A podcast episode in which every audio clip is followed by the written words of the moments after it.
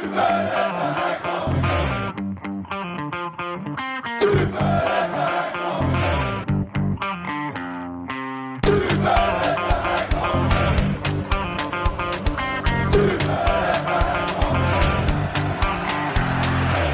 säger vi varmt välkomna till Superettan-podden som görs av Rekat och Klart. Lelle fick kasta in handduken. Han var tvungen att hämta ett eh, sjukt barn på dagis, tror jag det var. Så eh, ja, det är jag, Jocke och eh, Johan. Eh, Johan, hur är läget? Du kommer ju från en trepoängare och jag ser att du ler.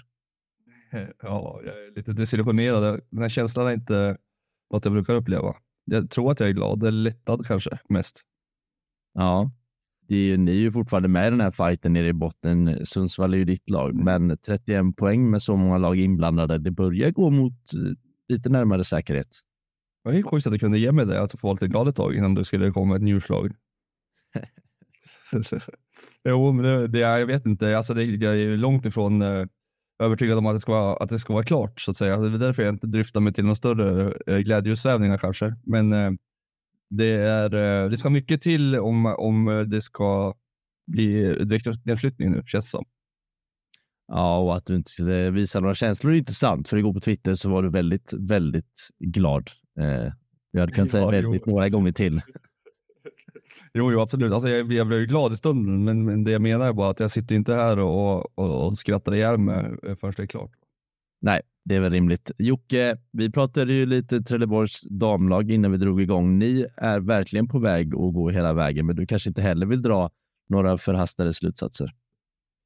Ja, vi kan ju säga att vi har goda möjligheter i alla fall. Eh, Så kan vi nästan stanna där i alla fall. Fy, fyra poäng eh, ner till eh, trean med två matcher kvar. Så det är ju onekligen bra förutsättningar att ta sig upp till finrummet. Giffarna hade en så rolig tweet de la ut om deras P19-lag. Att eh, typ så här, ja nu ser det bra ut. Då, då hade de det är en match kvar. De ligger tre poäng före tvåan med 45 plus mål eller något. 35. Det är så här, ja, det känns eh, semiklart. De har ju plockat 10 poäng på Sirius också sista Ja. fem, sex matcherna i P19. Riktigt sjukt. Riktigt sjukt. De har gjort 100 mål på 25 matcher. Mm, alltså det säger ju mer om lagen i botten av serien nästan ändå. Ja, Fan vad hårda ni är idag. Så fort jag kommer med några försök till glädje så bara slår vi ner det. Men eh, Jocke, innan vi går vidare, så hur är läget? Du fick inte Jo, frågan. det, det är ju bra. Det vankas ju AV i eftermiddag, så det är ju tipptopp. Det kan ju inte Kul. vara, säm- det kan ju inte vara bättre.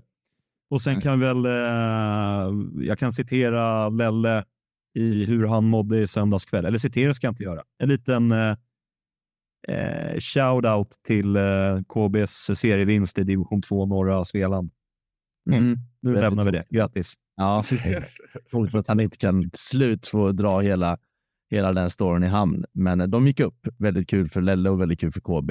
Sådär, nu ska vi gå vidare. Som alltid, vi har gäst med oss och i detta avsnitt, eller jag ska säga för två avsnitt sedan, då hade vi ju Mr VSK med oss och nu vågar jag ändå säga att eh, vi har Mr Örgryte med oss. Eh, mittfältaren och trotjänaren Daniel Paulsson har vi i samtalet. Välkommen! Tack så mycket. Ja, jag har ju frågat de andra två, så jag frågar dig med. Hur står det till? Ni har ju precis tränat hörde jag. Eh, ja, men det är väl bra. Eh, minus eh, situationen vi är i tabellen, men eh, förutom det så, så är livet bra i övrigt.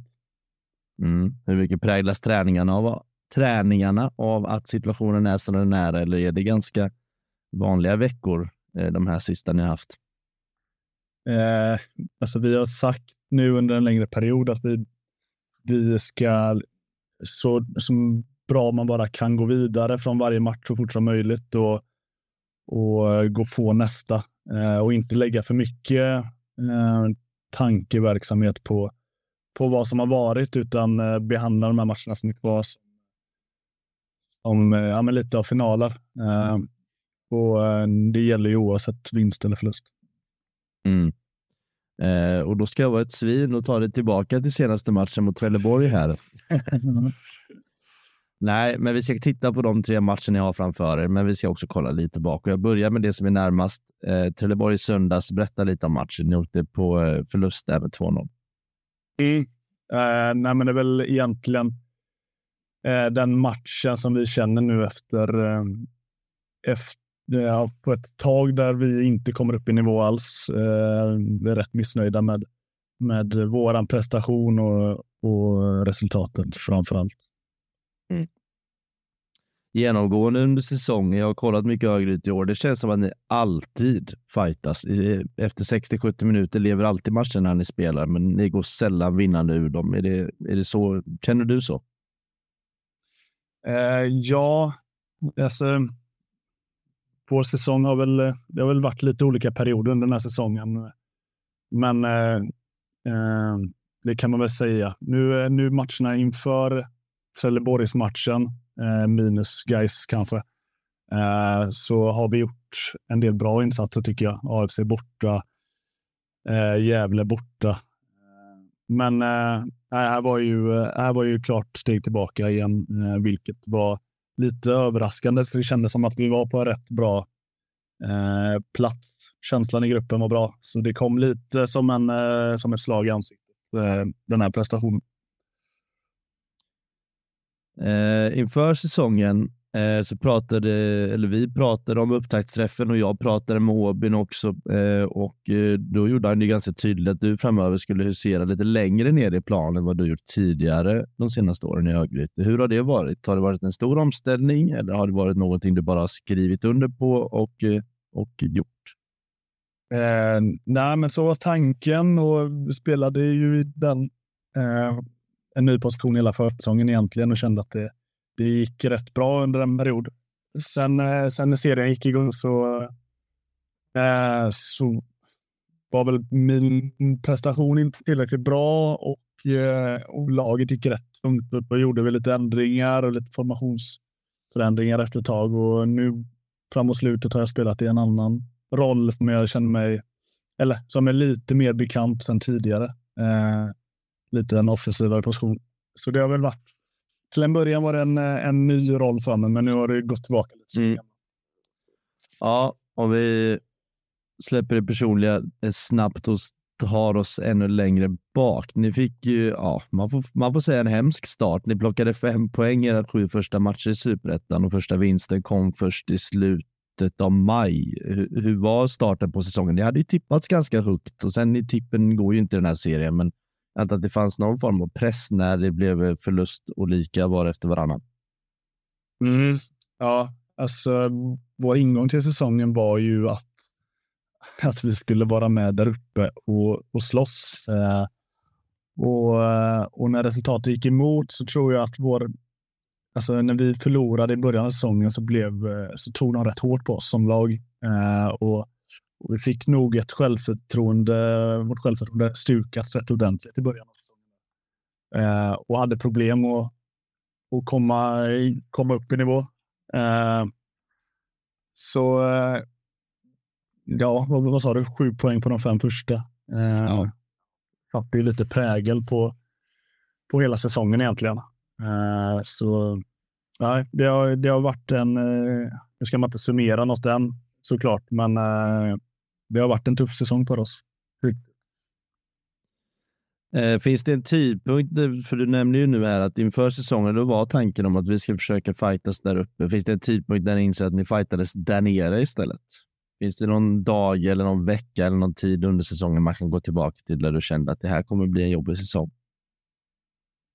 Nej, jag vet inte. Allting sånt kommer väl lite successivt. Eh, men eh, det är klart att man känner ju när vi där efter de fem första matcherna, och vi bara tagit sju poäng, att, eh, att det börjar glida ifrån en. De eh, placeringarna såklart, även om det är väldigt mycket eh, mer att spela. Eh, sen tror jag generellt att man drar väldigt stora slutsatser eh, på de första matcherna.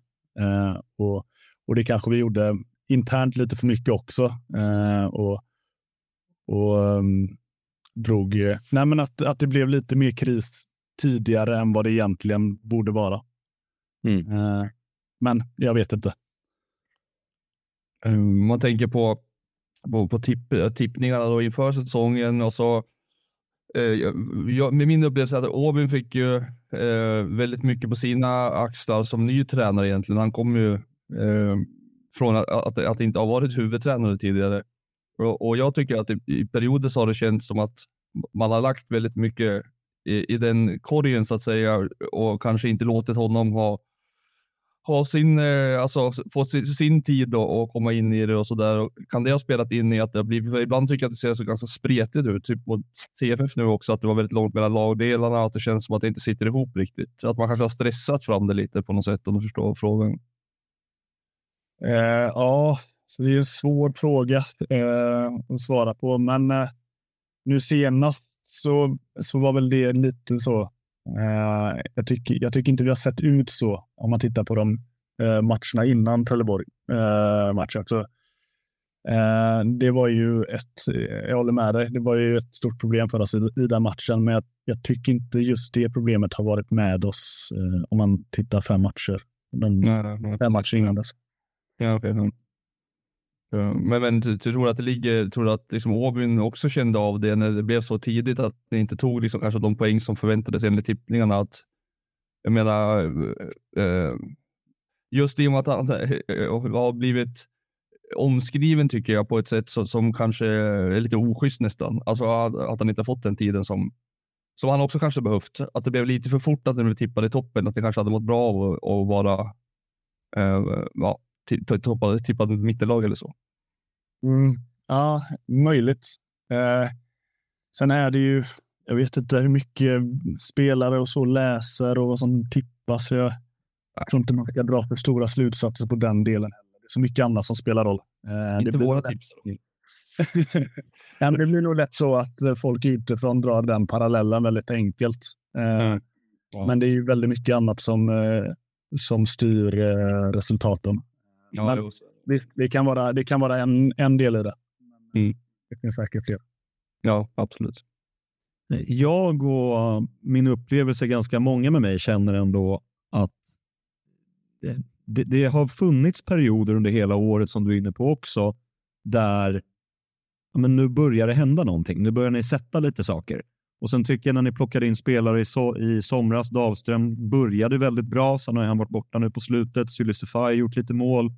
Eh, Kevin Holmén kom in som jag tyckte gav lite balans på mittfältet. Men det har liksom ändå inte lossnat. Vad, vad är det som saknas?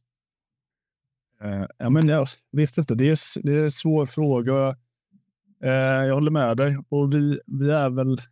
Känslan är i alla fall att vi är ett lag som kan vara väldigt, väldigt bra i perioder men också ha en lägsta nivå som inte är eh, eh, som är alldeles för låg. Eh, och vi har väl haft problem, och det är väl genomgående, genomgående hela året, att, att vara jämna, att inte bara falla så djupt i våra dåliga perioder. Eh, och i superettan som är så himla jämn serie och alla lag är typ lika bra, eh, så, så är det farligt att ha sådana perioder där man där man går ner sig så mycket. Det blir lite klyschigt sagt, men eh, jag tror den, den delen vi har haft, vi har haft problem att hålla, hålla den nivån uppe. Det känns som att det är liksom genomgående för, för väldigt, väldigt många lag. Alltså mitt, eh, jag håller på i Sundsvall liksom, och vi har ju verkligen varit exakt där. Och kollar man på J Södra som låg, låg de fyra i, efter, eller innan uppehållet. Och, och sen nu är indragen i skiten. Eh, kollar man på Öster som har sett ut som ett liksom, världens bästa fotbollslag i perioder och sen har de hamnat i perioder där de har torskat och sett bedrövliga ut. Så det är väldigt många lag känns det som, som har varit i samma sitt som, som den du beskriver. Ja. Ja, men så är det ju. Kan vi gå tillbaka lite till uh, Jeffrey? Jag tycker han är liksom ganska spännande med det han gjorde i MFF och så vidare också. Och nu förväntar jag mig inte att du kommer uh, svara jättemycket, utan det blir väl lite ett kryss två. Men, men hur, hur är han som tränare? Alltså, vad har han för styrkor? Eh, nej, men hans, hans styrkor är väl han bra på att organisera, eh, skulle jag säga. Eh, väldigt tydlig med, med vad han vill med en spelargrupp. Eh, det, är väl, det är väl de främsta, eh, det är hans spets liksom den här perioden som ni nu är i och har varit i ett tag. Det tas väldigt få vinster och när man är i en sån period, när också fansen som ni har på läktaren känner att de ger och ger och ni förmodligen känner att ni inte lyckas ge tillbaka det ni önskar och det de önskar. Hur är det att spela i en sån? Hur är det att vara i den perioden? Eh. Ja, alltså. Jag har ju varit med om några år nu som har varit rätt, eh, rätt tunga. Eh, och eh, det, är ju, det är ju tufft. Jag tror att det också i år har varit eh, lite extra tung med tanke på förra året, att vi klarade det precis och så trodde man på hade ingången till säsongen var att vi skulle vara ett topplag och så, och så blev det eh, har, vi inte, har vi inte levererat. Så jag tror, jag tror med den ingången till säsongen har det blivit extra, extra tufft för, för dem utifrån att följa oss. För att de eh, förväntningarna var så mycket högre. Mm. Och vad känner ni själva? Känner ni att, alltså, för jag menar, som supporter många gånger så kan man ju komma på sig själv att man ställer krav som är liksom orimliga eller att bara en känsla för klubben är så stor att man inte liksom, man är inte sansad helt enkelt. Hur känner ni? Känner ni att ni inte ger tillbaka eller känner ni att det ibland kan bli så att de förstår inte hur mycket vi försöker? Vice versa. Eh, hur, hur är den stämningen sinsemellan? Nej, men jag tror frustrationen hos oss har nog grundat sig i att vi, vi känner att vi är ett, eh, att vi är en grupp spelare som, eh, som har så mycket mer i oss så att vi har en annan höjd än vad vi har visat under året. och det har väl varit en, en frustration genomgående att att man inte känner att vi får ut max av oss själva. Eh, så det är väl det jag skulle, skulle säga att besvikelsen ligger i. Mm. Sen är det klart att det är ju det är ändå många som eh, följer oss och som investerar mycket tid och känslor och eh, då blir det extra jobbigt att, att inte kunna ge något eh, tillbaka. Utan så det är klart att det påverkar en lite, lite extra helt klart. Ni har ju varit i den här situationen tidigare. Du nämner själv att ni haft några tunga år och ni har ju till och med ramlat ur superettan i modern tid. Kan man ta med sig några lärdomar från det nu, alltså några erfarenheter in i den här slutstriden nu? Eh, ja, det tror jag verkligen. Eh, framförallt som vårt förra år blev, då var vi i en väldigt liknande situation. Och vi har rätt många i laget som var som var med då också. Som, och det tror jag det är en fördel att man eh, känner, känner sig, eller kan känna sig bekväm i en utsatt situation. Mm.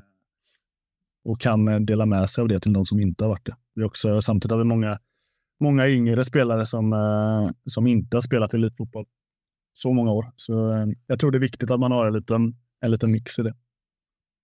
I augusti från ingenstans blir du av med binden. Varför då?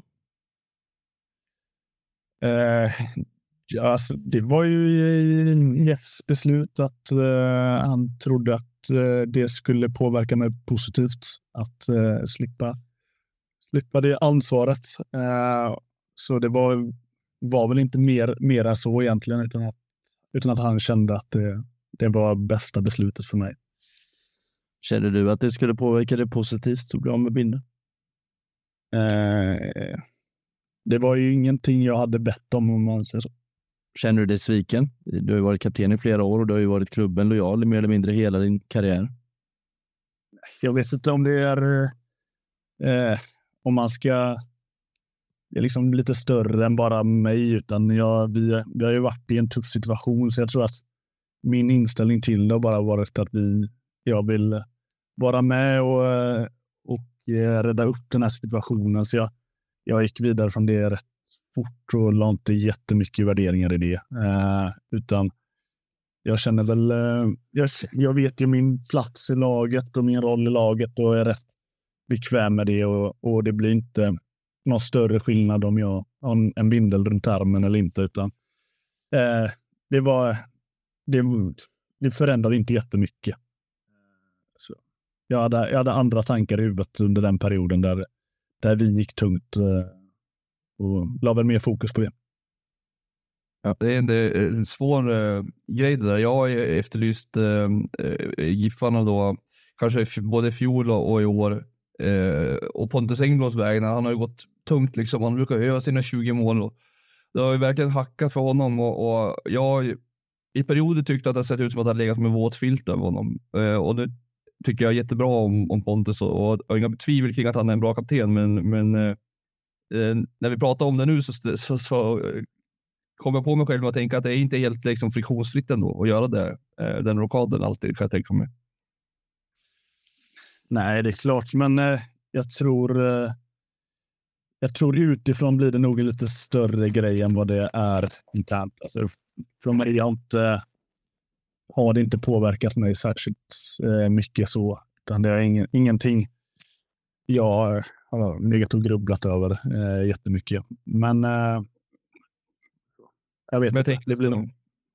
Ja, Jag tänker att det, är- alltså, det kanske är det som gör att det blir rörigt. Alltså inte, alltså själva händelsen kanske inte är någon stor grej för dig och, och så. Jag tänker mer att det blir snack och att det blir onödiga andra följdeffekter av det.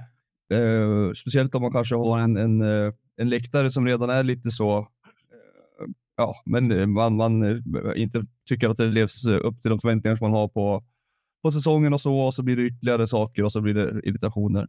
Jag spekulerar bara, men det, det, det jag menar är bara att det, inte, det känns som att det inte är helt friktionsfritt alltid. Eh, nej, så är det väl inte. Men man får, det är väl en avvägning av för och nackdelar som är, som är allt. Och är beslutet, eh, de tyckte att det fanns det fördelar med det beslutet än, än negativa. Så Mm. Var det bara att acceptera. Eh, Jag förstår att ni är i en period där man inte tänker på något annat än eh, kommande match. Men om du gör ditt bästa att kolla framåt. Du har kontrakt över nästa säsong också. Om ni åker ut superettan, påverkar det din framtid i klubben? Ja, det gör det. Då, då har inte jag kontrakt, utan då bryts det. Som eh, jag tror det är rätt många som har. Det är nog inte helt ovanligt att det är så. Nej, eh, jag vet att även Jeffrey Aubyn har den typen av kontrakt. Men om du ser på det långa loppet, om det nu skulle bli så att ni åker ur superettan och ditt kontrakt bryts, vart? Vad händer? Vart vill du spela fotboll? Där är jag verkligen inte i mitt huvud just nu. Eh, De tankarna finns inte, utan eh, ja, det är, allt fokus är just såklart på att vi ska, vi ska klara det. Det, hade vore, det vore dumt att eh, vara någon annanstans i eh, tanken. tankarna. Det är ett tråkigt svar, men eh, det känns som det enda rimliga att, att vara här och nu och bara titta på GIF Sundsvall borta. nu. Ja, nu öppnar du upp lite dörrar här. Jag kan eh, tänka mig att det är. Eh, det borde vara många klubbar högre upp som eh, kanske tävlar om uppflyttning som borde vara intresserade av en eh, Daniel Paulssons signatur. Jag vill bara, jag, jag vill bara fokusera på att vi ska klara det såklart. Eh, Jag, jag, tänkte, jag tänkte säga kom till Giffarna och sen så kom jag på att eh, jag vet inte vart vi spelar heller.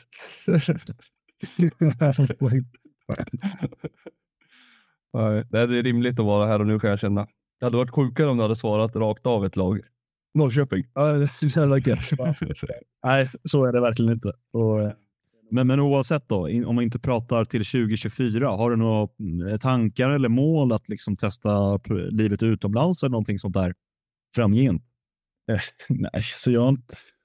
Fy vad tråkig jag är nu, men jag eh, har verkligen inte haft eh, de eh, tankarna eller eh, så. Eller vad vi pratar om nu? Vi pratar nu inför... eh, Nej, jag pratar 2026 eller 2027 kanske.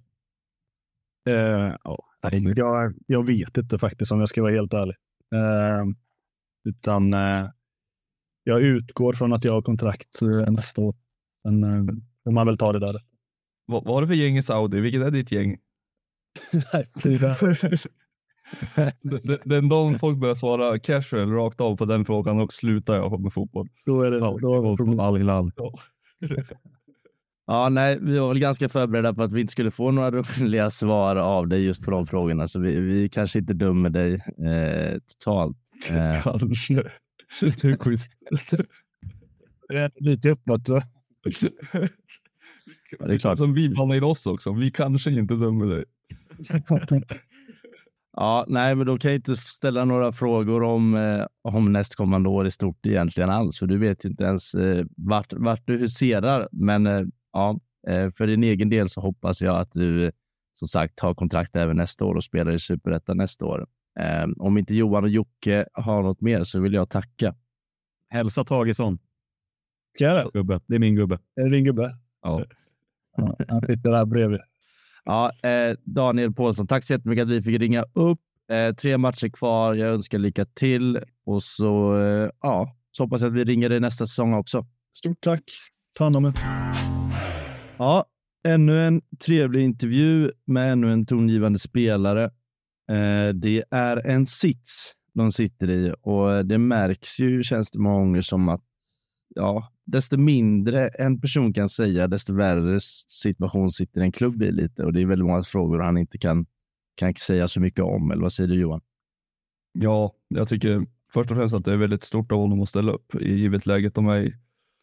Och eh, sen så blir man alltid, man känner sig lite som en bödel när man ställer vissa frågor för att det, det ja, de sitter ju skiten och det är svårt att svara på många av dem.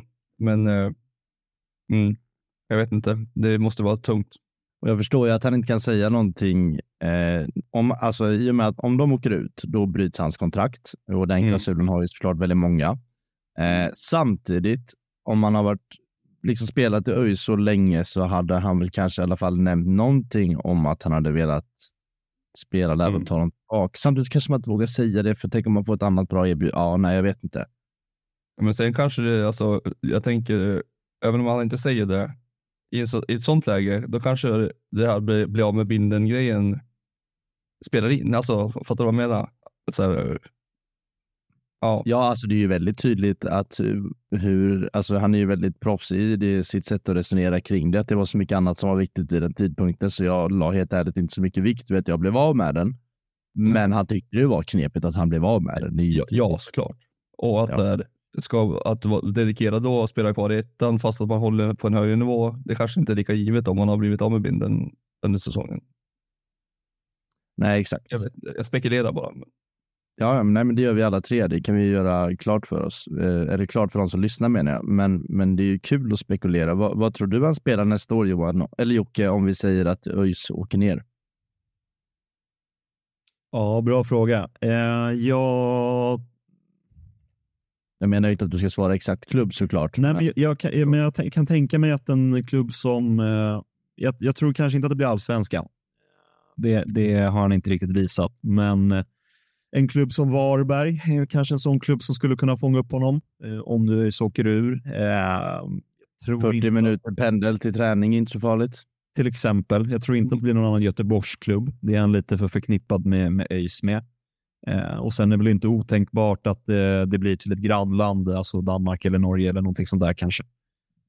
Um, nej, nej det, han är fin. Jag gillar ju honom. Man, man mm. vill ju att en sån person, eh, eller man vill, jag vill, jag vill att en sån person ska få ha lite fina triumfer med, med sin klubb också.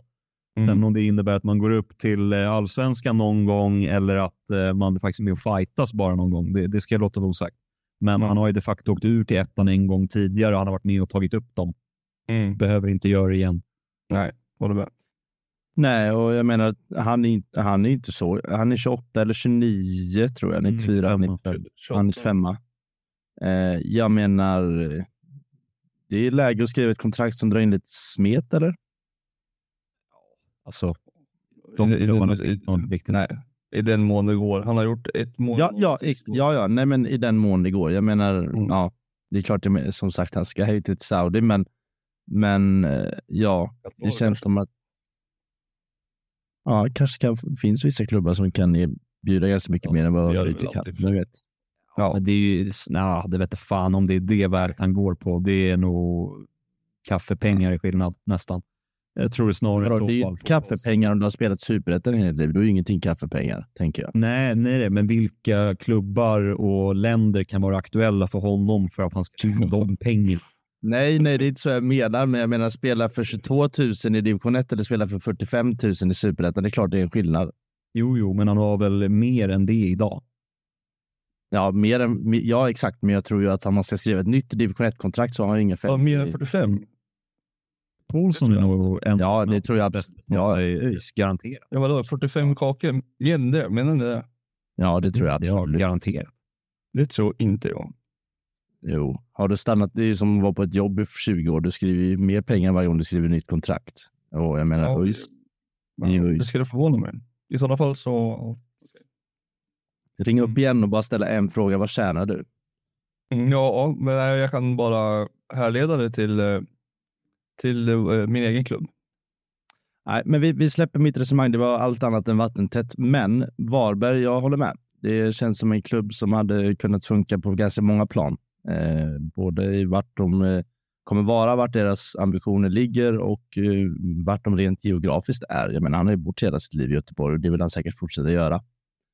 Eh, han passar ganska bra i den fotbollen som Linderoth vill spela. ja, Ja, han är klar för Varberg helt enkelt.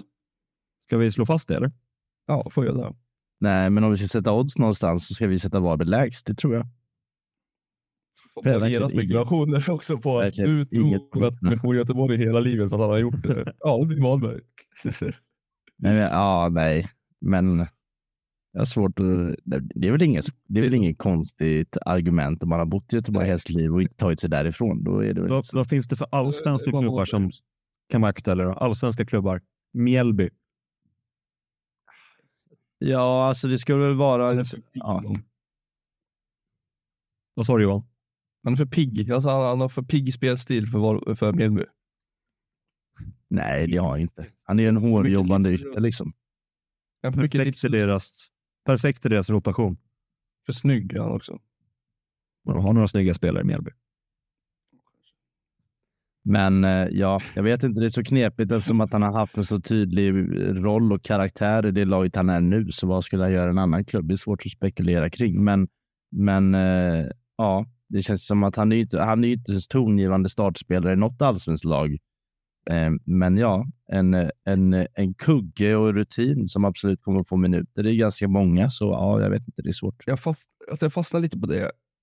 Är inte det ett jätteproblem i, år för ÖIS? Att, så här, att han har haft en tydlig roll. Det, det är det han inte har haft känner jag lite. Alltså, han har ändå gjort lite poäng tidigare år. I fjol gjorde han väl 8-9 eller någonting. Han har gjort ett mål, noll assist i år. Han har flyttats från sittande till nu mer offensiv igen och det. Det känns som att det är mycket där att man Alltså sådana trotjänare som han borde bara ha sin plats. Och så alltså, jag fattar om man, om man roterar på nya spelare som kommer in och så, men, men det känns som ett problem.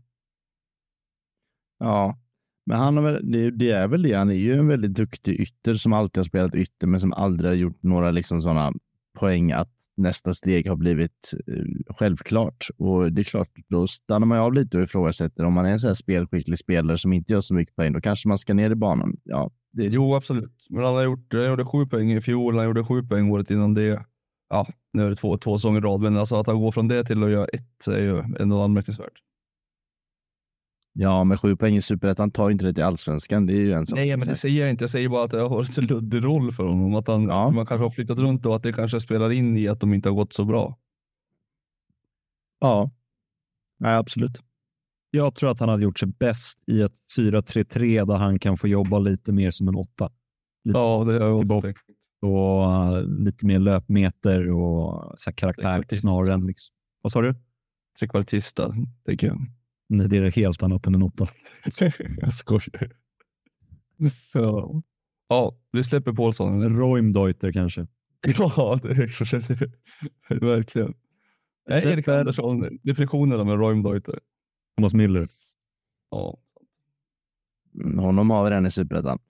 Eh, vi släpper Paulsson. Jag kollade på nyheter från vad som hänt i veckan. Det var absolut noll, eh, till skillnad från förra veckan när vi hade ganska mycket att nämna kring. Men det är enda nyheterna man ser kring superettan, både i lokala tidningar och i, i den större pressen. Det är ju ja, hur det har gått i matcherna och vilka som presterat och inte. Eh, men så är det väl i slutet av en säsong. Kanske fylla ut den tiden med att säga vem eh, superettans Thomas Müller är bara, eftersom du lämnade det. Ja, Axel Henriksson, vilket vi har pratat om de två senaste avsnitten. Det tror jag lyssnarna vet. Ja, ja, Okej. Ja, dumma, dumma jag. Jag har inte hört det heller. Nej, självklart. Att han har sagt någonting om Axel Henriksson, att man har råkat zona ut. Men hallå, ni kan, hur, hur kan ni Jag har ju nämnt det flera... Ja, nej, vi släpper det. Du kallar ju det här Guys-podden i vårt forum. Liksom. Ja, Ja, eller, Han, han försäger sig ibland. Ja, det är ingen bra podd att gå, direkt, gå tillbaka och förklara vad jag sa i ett annat avsnitt. Så vi skiter Ja, men det var roligt. Men Det jag, jag är väldigt förvånad över att ni inte kan minnas vid att jag har nämnt Axel Henriksson i samma Du mening. får som absolut inte klippa. När du tänkte säga idag till Paulsson, eh, hur är det att vara i en sån här situation, i en stor, eh, i en sån här situation? Du tänkte säga att du är en stor klubb och sen en... Nej, det tänkte jag verkligen inte göra. Nej, nej. Jag kan, läsa, jag kan läsa min fråga som jag har framför mig här. Hur är det att vara en sån här period när också fansen känner att det ger och ger, men ni lyckas inte ge tillbaka och de, det som ni och det som de önskar? Jag, var inget, jag vet inte vad jag försökte säga där, men eh, Jag vet. ja, lite storklubb i alla fall. ja, matchen har spelats och första matchen kan jag knappt gå till för det är såklart guys. Eh, eh, Men vad fan ska vi göra då? Nej, nej, det är ju så. Det är bara de som har spelat. Nej, men det är ju första matchen. Vi tar väl alltid den första matchen och så går vi i kronologisk ordning. Av någon anledning så är det Harrys gubbe som ser till att guys vinner också. Det är det ju varje match. Det är därför han blev Thomas Müller i första avsnittet som ni var med och pratade om, som ni helt absurt inte kan komma ihåg. Det var, Jag ja. tänker på Adjomani nu. Ja, exakt. Jaha, okej. Ja, just det. Ja, det var också väldigt fint. Det skrev jag på Twitter. Thomas Müller visar ju straff dessutom. Ja, och sen avgjorde han. Eh, Mm. Men, men eh, vi behöver inte prata om den här matchen så mycket mer. Att det var en fantastisk läktarinsats och det var väldigt kul att se den live och det var alla känslor på en och samma gång. Och sen är det en sak jag vill ta eh, om vi kan bli seriösa för en sekund. Och det är just den här straffen och Axel Henriksson som kommer in i halvlek eh, som liksom har varit kanske vår bästa offensiva spelare sedan eh, ja, de senaste tio matcherna. Eh, han är ju beyond älskad i supporterled. Eh, och jag älskar honom. Han är fantastisk. Han springer som ett djur och han vinklar in frilägen och hittar snett inåt bak och passar. Gör allting som leder till mål hela tiden. Han har sån jävla näsa för mål. Men vi får straff och vi har Gustav Lundgren i vårt lag. Vi har Jocke Åberg i vårt lag. Vi har Julius Lindberg i vårt lag. Tre spelare med tillslag som ja, är mycket bättre än Axel Henriksson och så är det bara. Och visst, vi vinner till slut. Man kan skratta åt det här att vi missar en straff, men vi ligger alltså under 1-0 i en livsviktig match. Vi får straff. Julius Lindberg som hämtar bollen. Han gör det så fort straffen tilldöms. Sedan står Åberg med bollen vid straffpunkten eh, och till slut är det Axel som stegar upp. Eh, Julle har gjort två mål på straffar de senaste fem matcherna. Jaha, tre totalt. Ja, jag vet. De senaste fem matcherna har vi fått tre straffar. Åberg har tagit en, Julle har tagit två. Eh, och båda, alla, ja, båda har gjort vad de ska och har gjort mål helt enkelt.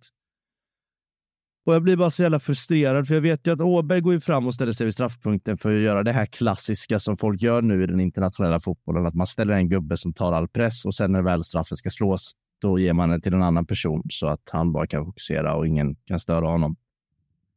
Eh, det är en usel straff. Eh, det löser sig till slut och jag vet man kan väga in massa saker i det här och vem som är sugen och vem som har självförtroende och så vidare. Eh, jag pratade med Filip Troler efter matchen för jag undrade kring situationen eh, och han hade förstått det som att ja, Axel var ju inte någon förbestämd straffskytt. De brukar göra så att de bestämmer på plan. Fidde brukar ge dem den frihet, friheten. Nej, va? Allvarligt? Ja, då jag tror de har en straffskytt, men sen är det så. Ja, Oj. om någon är astaggad och ber om den så kör. Typ. Och Julle kan jag bara gissa är straffskytt och han var sugen på den, men han frågade tydligen Axel om han ville ta den och Axel sa ja. Eh, så jag vet inte varför det blev så nu men det kändes bara oproffsigt. Och vi- det, nej, men det är så dumt och det, Mm. det är så mycket man ska hylla om det här laget, om den här säsongen. Men, men jag blir så jävla frustrerad för det är så dumt. Axel Henriksson är en fantastisk fotbollsspelare, men tillslag på stilla boll, det är inte hans grej. Det, det är liksom ingen frisparksskytt, han är ingen straff. Det här upplägget kräver att det går bra också. Ja, Exakt, och det kräver att vi vinner den här matchen som vi gör. Det är därför ingen pratar om det. Men det är helt absurt att en spelare som liksom har gjort typ 22 poäng den här säsongen, som kanske har den bästa högerfoten i serien. Alltså Julius Lindberg har ett fantastiskt tillslag och han har gjort mål på alla straffar han har tagit. Varför ge bort den här straffen? I call Jag tycker- efterhandskonstruktion. Vad sa du? I call efterhandskonstruktion. Hade Axel Henriksson gjort mål så hade du inte brytt dig.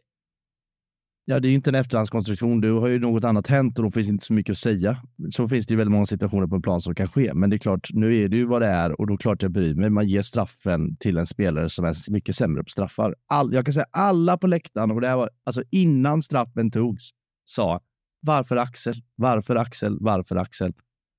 Eh, det, det var jätteknepigt och jag ska inte tala på alla på läktaren, det är dåligt av mig, men vi som, de som stod runt omkring mig, det hördes överallt. Varför håller Axel på? Vad är, det som, vad är det som händer? Och liksom så här, var, varför ger han bort straffen? Och så där och så där. Och så blir det miss. Och jag, det är klart det är därför vi pratar om det, men jag vill bara det ur mig. Jag tycker det, det av alla saker som görs jävligt rätt så var det någonting som för en gång skulle gjordes lite fel. Eh, det där var konstigt. Eh, jag är mm. väldigt lycklig över att vi kommer vinnande ur den striden, för annars hade det varit mer fokus på den där. Eh, hur var matchen då? Var ni bättre? Eh, ja, första 20 var Östersund bättre. Eh, jävligt knop, knepig start. Jag tyckte Östersund var väldigt bra, satt jättehög press. Eh, mm. Sen eh, kom vi in i det och började mala på. Eh, sen var det jämnt resten av halvleken, men vi kliver in utan att ha gjort mål. Och sen ganska tidigt i andra, ju, i 59 tror jag det han drar ner Wängberg. Vi får straff, han tar sitt andra gula. Eh, mm ja, världens bästa vänsterback blir ännu mer älskad av mig. Eh, och så, ja.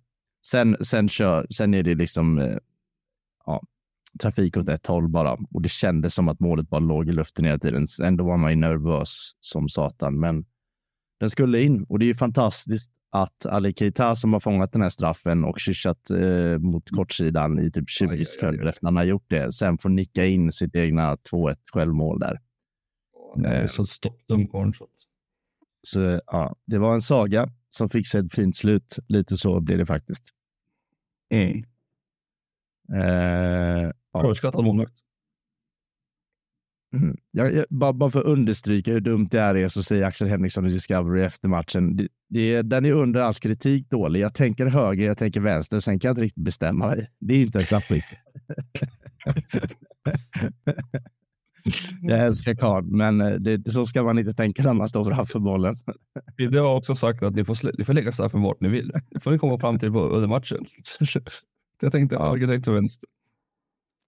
Mm. Nej, jag antar att ni skriker nog om guys, så vi säger nog om guys och eh, går vidare. Eh, nästa match var två timmar senare och det var Helsingborg mot Gävle. Ett sumpiller, 0-0. Mm. Eh, Helsingborg är dock mycket bättre tycker jag i den här matchen. De ska väl ändå vinna detta. Och Gävle har checkat ut som sagt. Det har de förtjänat. Ja, det har de. Absolut. Det, ja, det var det. Det säger någonting om Helsingborg också, vart de är. Att de inte vinner som match. Nej, verkligen. Eh, och nu när tabellen ser ut som den gör, det, man måste vinna när man är bättre än motståndarna. Alltså det, det... Mm. Men, men i stora hela, jag tycker Helsingborg är mycket bättre den här matchen. Eh, mycket bättre kanske ta i, men de är bättre i matchen och de ska vinna det här. De radar upp ganska många chanser och eh, ja, 0-0 är inte tacksamt eh, resultat. Nej. Boys VSK. Landskrona tog emot Västerås. VSK är bäst i serien, eller vad säger du Jocke? Ja, det var bra de var. Alltså in, inte så här eh, flygande, fan vad fantastiskt, utan det är ju att deras försvarsspel är så jävla bra. Mm. Boys försöker ju de är ju väldigt kortpassningsinriktade och jag, jag, kan tycka att det är kul att kolla på att de, de använder Kadura extremt mycket, till och med i eget målområde i sin speluppbyggnad. Men jävlar vad Västerås är disciplinerade och när väl eh, Landskrona försöker sätta Diawara i spel framför allt så är ju eh, ja, Fredrik nästan bom, boiba, bomba. Bomba. bomba. Svårt, det är ett svårt namn att uttala. Eh, han är så jävla bra i den här matchen. Mm. mm. Riktigt mm. jävla bra. Mm. Och jag tycker ju liksom inte att Landskrona är skitdåliga, men VSK är så jävla mycket bättre. Mm. Ja, och det känns, jag tycker de, som du säger, att det är inte så att de, de flyger fram i den här matchen. Jag tycker de går ganska mycket på halvfart och bara städar av. Eh, sen tar det ett tag innan målet kommer in, men ja, som du säger, det, det är så organiserat så att det aldrig ens är nervöst, det minsta. De kan ju leda det är inte målchanser för att leda med 3-0 efter 20 minuter. Eh, alltså, här borde man göra mål, men det är ändå avslut i och runt omkring straffområdet där de tar sig efter bollvinster på, på en jävla massa olika sätt. Mm. Så VSK är bra. Jabir gör mål igen efter ett inhopp efter skada där på Diabate. Mm. Och nickar in igen trots att han inte kan hoppa. Eh, det, är, det är jävla intressant, eh, intressant spelare där. Jävligt konstig eh, kommentar Jocke i chatten efter det där. Jabir vinner skytteligan.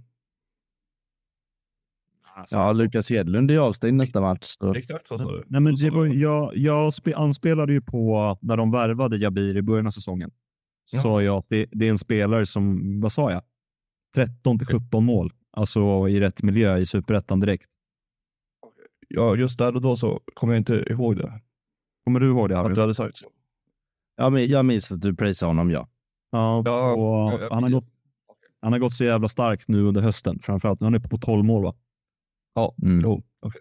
Ja, jag fattade inte att du hänvisade till det du sa innan säsongen bara. Mm, nej, okej. Det är jag har tänkt. Det har jag Men-. Han är väl också en anfallare som gör två i allsvenskan kanske? Ja, max. Ja, alltså, I vilket lag? I vilken kontext? Västerås han ju spela nästa år. I Ja, allsvenskan. Ja. Spelsystem. Förutsättningar. Ja, Detta. Alltså det är ju en spelare som eh, om han eh, spelar i ett lag som är där han får väldigt mycket boll i straffområdet så kommer han göra mål i allsvenskan också. Sen om han gör, han gör 10, det säger jag inte, men han gör ju mer än ett. Nej. Sen är VSK som jag antar att de kommer försöka göra exakt samma sak nu när de går upp i allsvenskan. Det vore ju jättekonstigt annars. Men eh, de kommer nog eh, i många matcher spela eller hamna betydligt lägre och vara lite mer kontringsbetonade och då är ju inte han rätt spelare. Jag, jag tror inte VSK kommer vara kvar i Abin om de går upp. När de går upp. För att För att, jag, jag tror att de bedömer att han inte kommer att hålla på allsvensk nivå. Nej, där är jag inte med dig alls. Han kommer ju vara i, i han kommer vara med och de kommer gå upp. Men jag, jag, mi- alltså min, min take på det hela var bara att det finns ju väldigt många, eller det finns ju fall där det har varit väldigt tydligt att den här spelaren är väldigt bra i superettan, inte tillräckligt bra i allsvenskan. Vi har skämtat om Robin Book är Jo. en sådan. Eh, och jag kan bara se framför mig att eh, Abdihakim Ali också är en sådan. Eh, det var lite det. Två- helt olika saker. Robin Book är en konstruktiv spelare och då är han inte tillräckligt spetsig för allsvenskan. Jabir är ju en spelare som bara behöver vara i box och med den fysiken så kommer han ju kunna peta in en eller fyra. Ja, eh, alltså så här, okej, eh, han, han, han är säkert kvar, men om man tänker på Västerås ekonomi, eh, också vad Kalle sa när han var med oss, att, eller nej, det var inte alls han som sa det, det var Troré kanske, eller någon som sa att så här, ja, i alla fall på, på den här nivån, alltså i superettanivån. Eh, jag tror att Kalle kommer behöva liksom spetsa, alltså om de ska göra bra ifrån sig i allsvenskan så kommer de behöva hitta rätt eh, med små medel. Och då kommer de inte kunna ha massa utfyllnadsspelare som, som har löner, utan man måste liksom pinpointa vad man behöver och eh, analysen kommer nog landa i att de inte kommer vara spelförande på samma sätt i allsvenskan som i superettan naturligtvis. Och att ha Jabir då, han kommer inte gå djupet direkt. Det, han kommer bli överflödig på ett eller annat vis, tror jag. Jag tror fortfarande att de kommer vara ett lag som har eh, en spelförande inställning, men jag tror att de kommer ha svårare att ta sig till genombrott och offensivt straffområde. Ja, exakt. Men, eh, alltså, alltså jag, jag, jag, jag, jag förstår vad du menar med Jabir, men jag håller inte riktigt med i hur de kommer försöka spela. Nej, men okej. Det är klart, jag tror inte att han kommer ställa om och bli en, liksom, en cyniker eh, av Drillos slag. Men jag tror att det kommer ju vara mer sällan som Jabir får bollar i straffområdet och det kommer vara fler saker på vägen fram dit som gör att han inte kommer fylla samma funktion i, i allsvenskan som superettan, tror jag. Det tror, ja vi får se. Men jag, är också, jag tror han är för dålig eh, för allsvenskan helt enkelt. Jag överskattar allsvenskan i det här avseendet. Så. Jag, tänker, jag tycker vi kan kolla på Pashang. Ja, ja. Ju- men då kommer ju argumentet komma med att han sitter i två helt olika miljöer. I två, ja, sådär. Så det, det är svårt att utvärdera. ÖIS, Trelleborg pratat om. Jag tänker vi hoppar den va? Det är inte så mycket Mm. mer att tillägga. Jag vet att du såg matchen Jocke, så jag vet inte om du vill säga någonting kring ditt Trelleborg, om det var någon som utmärkte sig. Nej, men eh, han eh, sa det ju själv att uh, ÖIS var inte så bra som han tycker att de har varit på slutet och inte kommer upp i den nivån. Och jag delar det. Tycker Trelleborg är, bra. Jag tycker dansken som de plockat in är väldigt nyttiga. Ja, fint. Och gör sin första start på länge. Det var kul. Mm, kul för honom. Eh, helgens eller omgångens största seger, den tog Brage av alla lag. Eh, hemma mot AFC som just nu ligger botten. De är, vi har en ny jumbo på väldigt, väldigt länge. Eh, och de har det inte lätt AFC. Den här Solano-sparken känns helt fel, eller hur Johan? Mm. Mm, mm. Jättedum. Jag tänkte, jag tänkte på det direkt när de började släppa in mål tidigt. Det, det, Ja. är inte Solano. Det är Sixten det Wish of blir- Hellhandlaren. Ja, exakt. Det räcker inte att ha fysik. Nej, de har det tufft. Men Brage som skulle komma tvåa, de, ja, de kommer i mitten. Faktiskt. Ja, det är oroväckande. Nej, de kommer inte tvåa. Men det är inte Öster heller, så du kan börja swisha snart Jocke.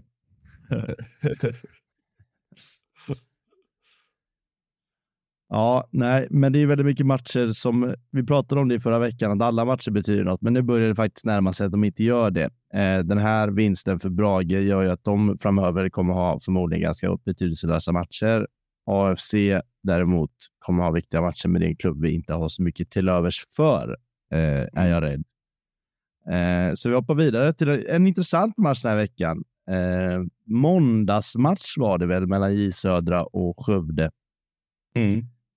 Det är Alexander Berntsson, den eh, tidigare HBK-spelaren som så ofta när han spelade i HBK flyttades upp på anfallet när det skulle avgöras i slutminuterna för han har ett jävla huvudspel. Han gör ju två mål för J Södra här som mittback. Eh, givetvis given i omgångens elva efter två mål eh, som mittback. Det kan ni väl inte säga emot? Det är klart. Nej. Mål på Eh. hörna och Skövde. Ja, mål på hörna av J Södra med. Eh, Mm. det, är, det är två lag som måste hitta sådana sätt att göra pyts just nu. Mm.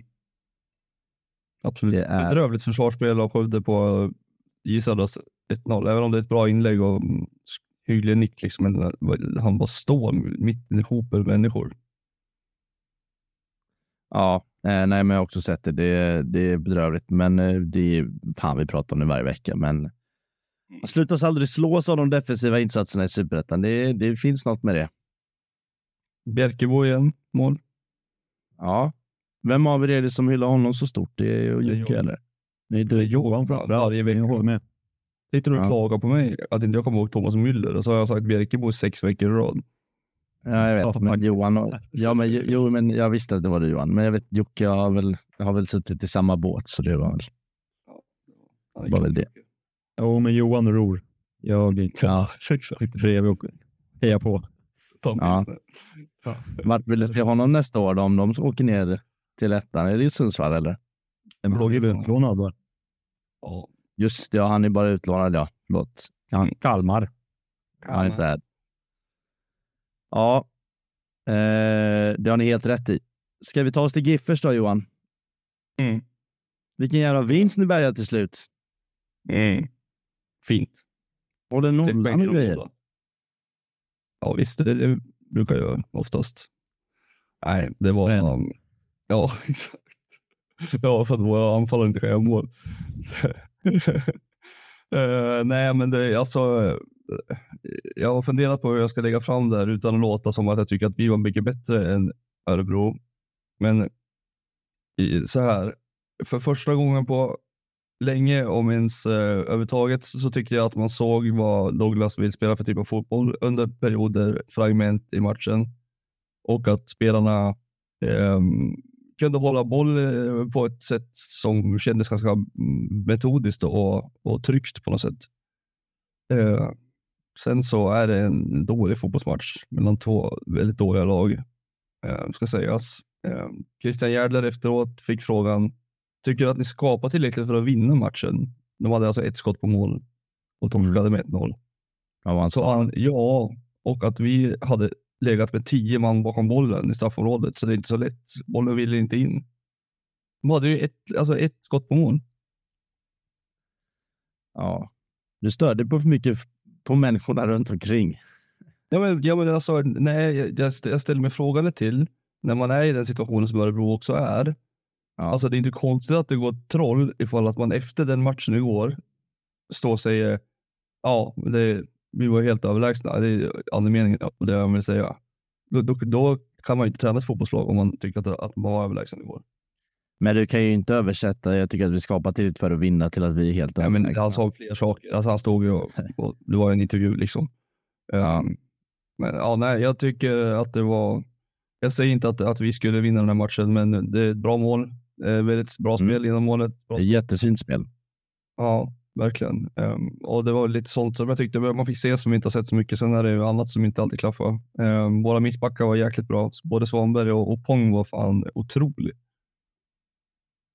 Så det är första gången egentligen som, det, ni har spelat med de här spelarna nu någon match, men just hela ert femmannamittfält känns mm. spännande. Mm. Det finns liksom en dynamik och som du säger, den typen av fotboll Dogge vill spela och spelare som klarar av det. Eh, Stojan är riktigt fint tycker jag. Ja, men han var ju grym i Sollentuna i, i fjol. Mm. Histigt förstörde honom. Bra inställning och bra kroppsspråk och bra liksom, krig. Och, jag, vet, jag tycker han tillför mycket. Och, sen tycker jag Pajapitska är riktigt, riktigt, riktigt bra. Alltså. Han, eh, han vinner boll, han eh, är bra med boll och han, ah, jag tycker han gör ett jävla jobb. Alltså. Kan Sundsvall gå upp i år? Ta till allsvenskan direkt? Vad tror du? Ja, jag tror att, att det är toppchans nu faktiskt. Ja, ja, det ska bli spännande att följa om de kan få 20 poäng på de här tre matcherna som är kvar. Ja, allt tyder på det. Det är ju ja. inte riktigt järngäng. Mentalt så är de väldigt starka. Vad ligger oddsen på det? 1,20 tror jag vi kan få. Ja, det är, ändå, det är ändå för lågt. Det är inte spelbart ens. Nej, det är för att det är så sannolikt. Men eh, Johan, om vi ska prata om lite större grejer i Sundsvall då.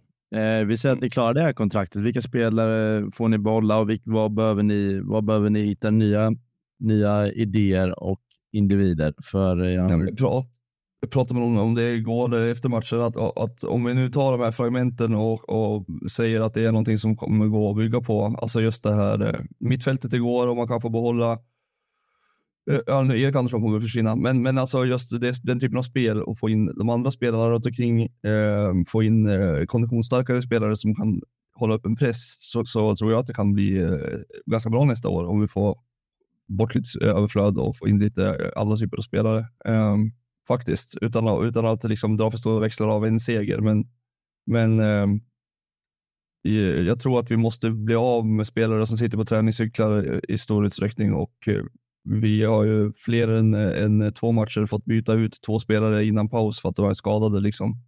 Det, det går inte. Det är svårt att sätta något. Vi, vi hade vi haft, vad fan sa de, 18 olika mittbackskombinationer i år eller något sånt, eller 16 eller vad fan det var. Det, det går ju inte. Alltså det, det går ju inte att spela då. Liksom. Um, så, så, vi måste få till spelare som spelar varje vecka mer eller mindre och, och spelare som, som vill spela det spelet som Dogge vill. Ehm, det ryktas ju om en, ny målvakt på väg in.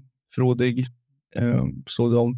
Ehm, så, så det, det, det, jag tror att eh, får Dogge välja lite spelare som, som han vill ha och, och kunna utveckla det här eh, vidare så tror jag absolut att det kan bli bra fortfarande.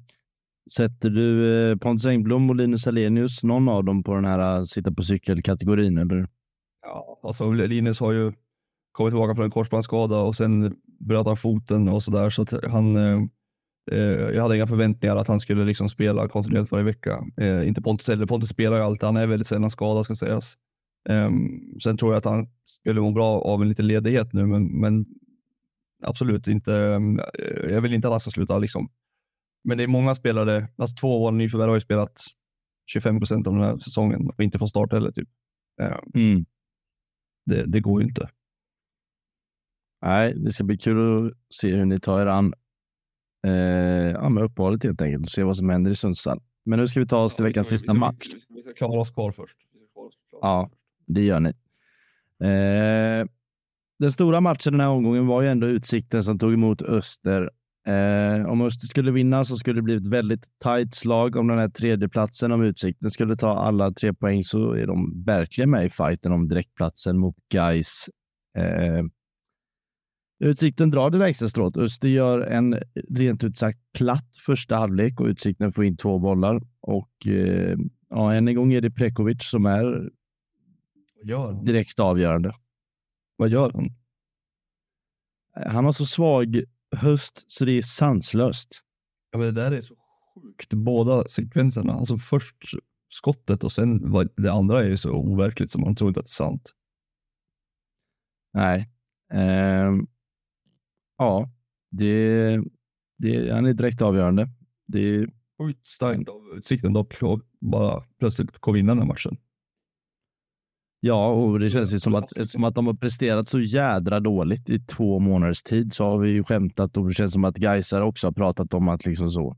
Det, tongången är att det är klart, men med det försprånget de hade så har de ju, de har inte alls råd med den här misären, men de är ju bara en, alltså de är ju tre poäng från att, eh, mm. från att ha samma poäng som Gais. Sen är målskillnaden enorm, men det här lever. Det lever så in i. Eh, och mm. Utsikten eh, förtjänar den här vinsten. Eh, mm. Men jag skulle väl fortsätta, eller for, ändå vilja säga att det handlar inte om att Utsikten gör en eh, toppenmatch. Det är en grisig match som de ofta får den till, vilket de är väldigt duktiga på. Eh, och de är väldigt bra på att spela den typen av matcher. Men Öster, är, nej, de faller platt alltså. Det, ja, de gör ju det i perioder. Direkt svaga i hela första halvlek, får inte ordning på någonting. Adam Bergmark Wiberg, det finns ju ett litet problem med honom och det är ju när det inte är hans dag så är ju hans lägsta nivå osynlig. Det är ju, mm. det är där han är. Eh, jag vet inte, ja, utsikten också måste vi prata om som lyckades uh, få till två avstängningar efter slutsignal vid seger. Imponerande. Ja, det känns som att vi hoppar lite då i kronologin kanske, om vi går dit nu. Ja, jag vet. Jag, försökte, jag måste stampa på tänkte jag.